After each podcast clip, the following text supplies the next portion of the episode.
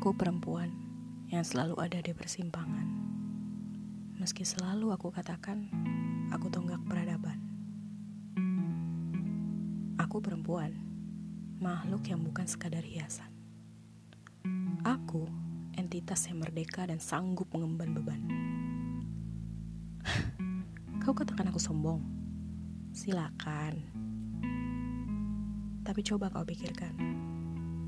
Aku mengucurkan darah paling tidak sekali sebulan selama kurun waktu yang bervariasi antara 3 sampai 9 hari dan masih mengemban kewajiban, mengemban kewajiban. Kau katakan aku pengeluh? Silakan. Tapi aku hanya ingin bertanya. Apa jadinya dunia tanpa perempuan?